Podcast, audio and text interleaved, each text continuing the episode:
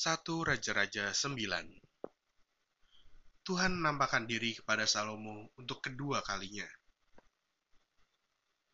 Ketika Salomo selesai mendirikan rumah Tuhan dan istana raja, dan membuat segala yang diinginkannya, maka Tuhan menampakkan diri kepada Salomo untuk kedua kalinya, seperti ia sudah menampakkan diri kepadanya di Gibeon.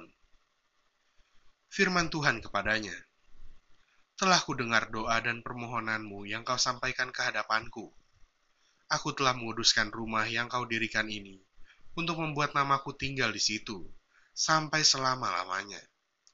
Maka mataku dan hatiku akan ada di situ sepanjang masa. Mengenai engkau, jika engkau hidup di hadapanku sama seperti Daud, ayahmu, dengan tulus hati dan dengan benar, dan berbuat sesuai dengan segala yang kuperintahkan kepadamu, dan jika engkau tetap mengikuti segala ketetapan dan peraturanku, maka aku akan meneguhkan tahta kerajaanmu atas Israel untuk selama-lamanya, seperti yang telah kujanjikan kepada Daud ayahmu, dengan berkata, keturunanmu takkan terputus dari tahta kerajaan Israel.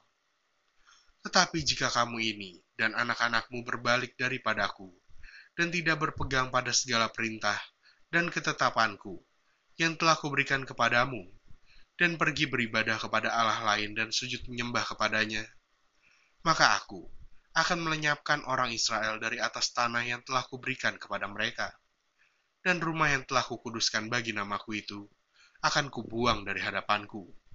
Maka Israel akan menjadi kiasan dan sindiran di antara segala bangsa. Dan rumah ini akan menjadi reruntuhan, sehingga setiap orang yang lewat akan tertegun bersuit dan berkata, Apakah sebabnya Tuhan berbuat yang demikian kepada negeri ini dan kepada rumah ini? Maka orang akan berkata, Sebab mereka meninggalkan Tuhan, Allah mereka, yang membawa nenek moyang mereka keluar dari tanah Mesir, dan sebab mereka berpegang pada Allah lain, dan sujud menyembah kepadanya, dan beribadah kepadanya. Itulah sebabnya Tuhan mendatangkan segala malapetaka ini ke atas mereka beberapa usaha Raja Salomo. Setelah lewat 20 tahun, selesailah Salomo mendirikan kedua rumah itu, yakni rumah Tuhan dan istana raja. Oleh karena Hiram, Raja Tirus, telah membantu Salomo dengan kayu aras, kayu sanobar, dan emas, sebanyak yang dikehendakinya, maka pada waktu itu Raja Salomo memberikan kepada Hiram 20 kota di negeri Galilea tetapi ketika Hiram datang dari Tirus untuk melihat-lihat kota-kota yang diberikan Salomo kepadanya itu, maka semuanya kurang menyenangkan hatinya. Sebab itu ia berkata, Macam apakah kota-kota yang telah kau berikan kepadaku ini, hai saudaraku?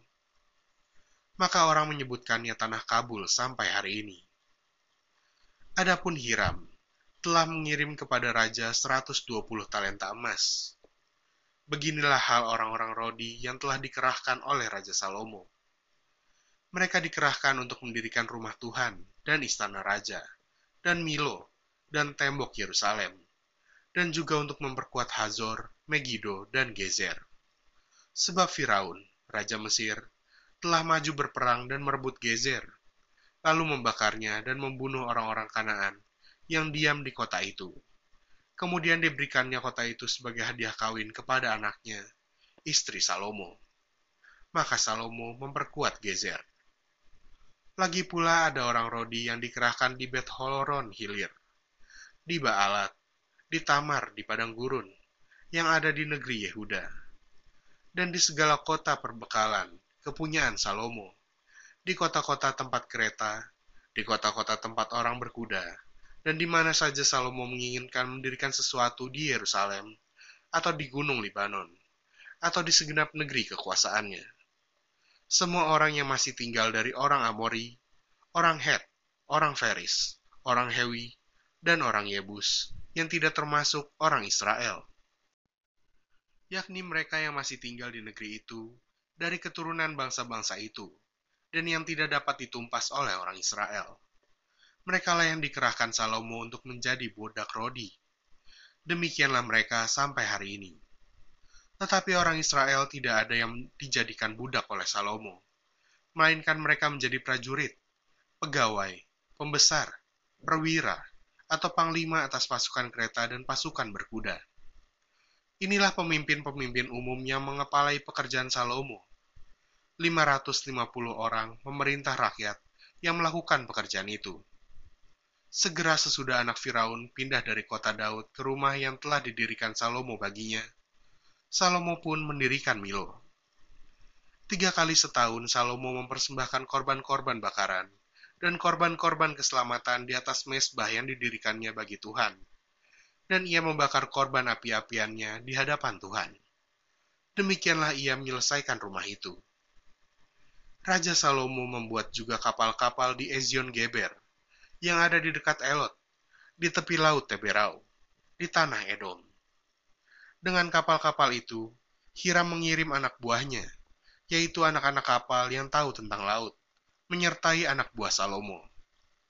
Mereka sampai ke Ofir, dan dari sana mereka mengambil 420 talenta emas yang mereka bawa kepada Raja Salomo.